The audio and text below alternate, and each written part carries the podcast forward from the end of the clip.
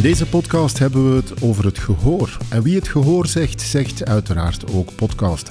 Ik hoor het u al denken, een podcast over een podcast, is dat niet iets te veel van het goede? Hm, Misschien wel. Podcast is inderdaad overal, daar hebt u gelijk in. En op heel korte tijd is de populariteit exponentieel toegenomen. Maar waarom is het medium eigenlijk zo populair? Wat kan je ermee doen? Hoe begin je eraan? En hoe maak je een podcast een strategisch onderdeel van je marketingmix? We vragen het aan Sonja Pijpaard. Zij staat mee aan de wieg van de podcast Onder Mama's. En die wieg mag je in haar geval letterlijk nemen, want de podcast is voor en ook door jonge mama's.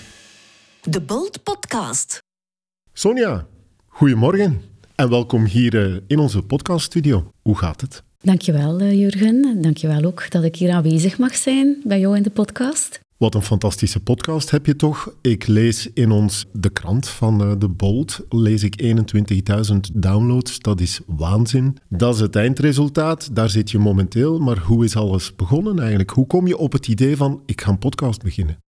Ja, ik ben dus eh, een eh, ondernemer, maar ook een mama en auteur ondertussen. Daar eh, wordt al een deel mee verteld. 25 jaar geleden gestart met de Baby's Corner.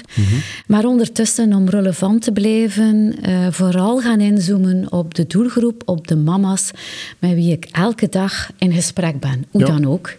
Ja, want je zegt het zelf, ik ben een onderneemster, 25 jaar geleden gestart met de Baby's Corner. Jouw verhaal begint daar dan en je merkt ook voor en door jonge mama's dat er heel veel vragen vanuit die mama's komen. Maar hoe verloopt dat traject dan? Hoe, hoe kom je dan op een podcast? Eigenlijk zit daar ook nog een boek tussen, Jurgen. Dat ook nog. Ja, en eh, de titel van mijn eerste boek, Onder Mama's, is een apart leven gaan leiden in de podcast Onder Mama's, want dat zijn verhalen uit het echte leven. En eh, dus op een bepaald moment eh, dacht ik bij mezelf, de ervaringen van mezelf als prullenmama en ervaren mama, maar ook van alle andere mama's die ik heb ontmoet, daar kan ik toch wel iets mee doen. En dan ben ik dat gaan neerschrijven in mijn eerste boek, Onder Mama's. Maar Onder Mama's wordt uitgegeven eh, net voor Moederdag 2020. Je hoort mij al- 2020. Ja, 2020. Ik voel u al komen. Voelt mij al komen. Heel het verhaal om het boek op de markt te brengen valt eigenlijk in duigen. Want ik wou het voor moederdag in de boekhandel krijgen. Ik had er alles voor gedaan. Maanden voor gezwoegd. De uitgever hè, met mij samen. Maar de boekhandel die was dicht. Tot en met moederdag op 2020.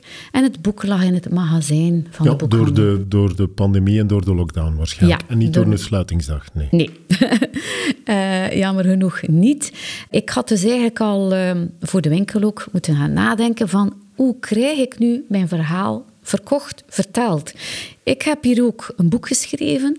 Normaal gezien ga je over een boek gaan vertellen, organiseer je mama-bijeenkomsten, hoe dan ook, waar de mama te vinden is.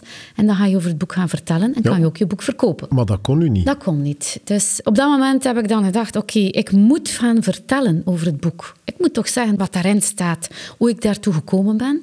Dat heb ik dan ook gedaan in kleine stukjes, eh, eh, voorgelezen, ook verteld voor video.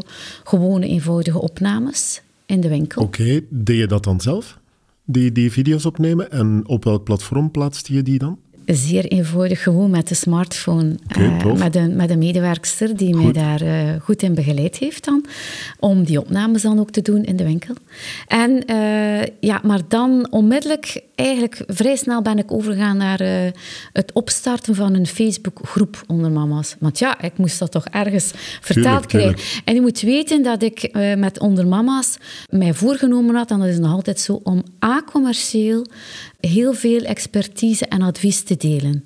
Dus ik kon dat niet onder de noemer van mijn winkel doen. No way. Er is altijd een spoor van de winkel en van Ja. de mama's, maar niet wat ik in mijn hoofd had. Dat zou niet zo gebeuren. Dus ik ben dan stilletjes aan begonnen met en verder gegaan. Dan valt de naam podcast. Ik had eigenlijk al uit mijn comfortzone moeten treden om een boek te schrijven, maar een podcast maken, opzetten, is ook iets uit de comfortzone. Dat was wel, om het dan letterlijk te zeggen, heel ver van je winkel. heel ver van mijn winkel. Maar ik had al geleerd om een helikopterview te nemen als ondernemer. Dus eh, ik zag mezelf als een vogel eh, vliegen rond mijn bedrijf en eh, de activiteiten die ik als ondernemer al had gedaan. Ik wou daar andere dingen mee gaan doen. Oké. En het boek en de podcast kwam eigenlijk in mijn vizier. En dan ben ik de onderneemster puur sang. En dan zeg ik, oké, springen. Hè. Hoe pak je dat dan concreet aan? Wat is je eerste stap die je dan zet? Dus oké, je begint klein, uh, je vertelt over hetgeen waar je mee bezig bent. Maar dan die podcast, die vroeg wel een, een, beetje meer een doordacht plan. Wat ik dan eigenlijk altijd doe, dat is gewoon de telefoon nemen, beginnen bellen, mm online zoeken. Wie is met podcast bezig? Waar nog niet veel, veel mensen mee bezig. Nee. Um, en dan had ik zo een tweetal uh, mensen uh, waarmee ik kon in gesprek gaan om mij te oriënteren rond podcast. Wat is dat? Wat moet ik mij daarbij voorstellen? Ik ken dat medium onvoldoende. Okay. Zeker om zelf te creëren. En dat heb ik dan ook zo gedaan. Wat zijn de eerste dingen die je hebt geleerd met vallen en opstaan? De eerste podcast die ik uh, gedaan heb, was vooral focus op gesprek. De draad niet kwijtraken. En goede voorbereiding uiteraard. Hè? Uh, maar allee, als uw vraag is van concreet, je springt dan en je doet het dan, dan moet je het nog altijd live doen. Ja, effectief. En dat is, dat is eigenlijk wel een beetje spannend op dat moment. Maar focussen, uh, ja, en al doende leren. Door nu zelf met podcast bezig te zijn, merk ik dat je niet alleen moet focussen op de gesprekken, wat dat je zelf zegt, maar er is ook een hele kant techniek. Ja. Welke micro's, kabels, scherm, studio. Ja. Um, hoe pak je dat dan aan? Want eigenlijk is dat toch ook jouw metier niet? Nee, absoluut niet. Dus in een eerste fase moet je keuzes maken. Er was iemand die mijn pad kruiste die zegt, oh, ik heb een hele mooie studio hè, hier ergens velden. Wij kunnen het daar ook doen. Maar wij dachten, oké, dat is niet zo dichtbij. Ik heb daar niet echt controle over. Je moet weten dat, dat ik samen met mijn marketingteam eigenlijk, en ook het Hanse bedrijf, dat wij heel graag zelf dingen doen. Zelf aan, aan de wieg staan van heel veel dingen. Omdat daar ook voeling. En die kant wou ik niet kiezen. Dan had ik een andere partij die, die mij heeft op weg geholpen. Ik heb die meegeloodst in mijn bedrijf. Ik heb gezegd, kijk, kijk hier naar alle ruimtes die, die beschikbaar zijn. Wat denk je hierover? Welke ruimte komt er in aanmerking om de podcast te doen? Dat heeft dan ook met geluid te maken, je weet dat al. Maar ook naar inrichting toe en naar audio-technisch materiaal toe. Mhm. Dus zo ben ik eigenlijk door die persoon dan op weg gezet om datgene te doen, eh, de ruimte in te richten, materiaal aan te kopen die mij moest toelaten om een podcast op te Ja. starten. En jou, werkte je dan met een redactie? Of waar, waar kwam die content dan vandaan? Wat, wat waren jouw eerste onderwerpen? Dus in eerste fase moest ik nadenken over welke format we gingen kiezen. En eh, die eerste format, de eerste reeks podcast, is, eh, was een format eh, van in gesprek gaan met eh, gasten ehm, en een tweeledige podcast maken. Eerst een aantal topics, onderwerpen, heel specifiek inzoomen op die persoon. En dan luisteren, kijken wat de reacties zijn van de community. eh, wat er daarna bij ons eh, in ons opkwam. En om dit te hergebruiken in deel 2 van die podcast. Met die persoon. Wat bedoel je dan met deel 2? Hoe moet ik Dus dat zien? een eerste is een gesprek en in deel 2 werden dan vragen, topics Ja. behandeld.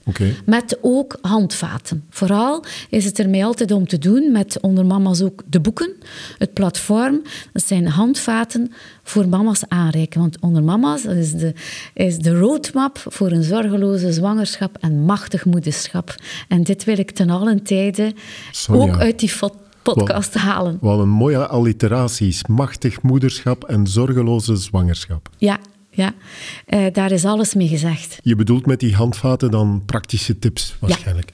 Wat mij opvalt bij jou, want ik heb ook mijn voorstudie gedaan en ook eens geluisterd naar Onder Mama's. Het is eh, zonder taboe. ja. Het is open en bloot, om het dan letterlijk te zeggen. Ja, ik denk dat dat ook komt met de leeftijd. Ik ben ook een, beetje, een klein beetje rebels van inborst. In die zin eh, dat ik niet graag met beperkingen werk.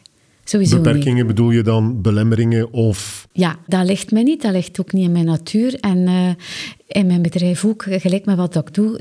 Ik gooi heel graag muurtjes om, om heilige muurtjes, of heilige deurtjes, deuren en trappen. En ik wil dit ook op mijn manier hier doen. Met onder mama's moet alles bespreekbaar Ja. worden. Kan je dan praktische onderwerpen geven? Wat moet dan bespreekbaar worden? Want ik heb bijvoorbeeld een podcast ge- gehoord dan over wat met seks tijdens de zwangerschap. Ja, dus, dus was al heel duidelijk eh, voor mij dat eh, seks is altijd een onderdeel in de boeken. En ik vind dus, als je dan verhalen brengt via een podcast uit het echte leven, ja, dan kan je seks er toch niet uit eh, wegdenken. Hè? Dat is de oorsprong van alles. Hè?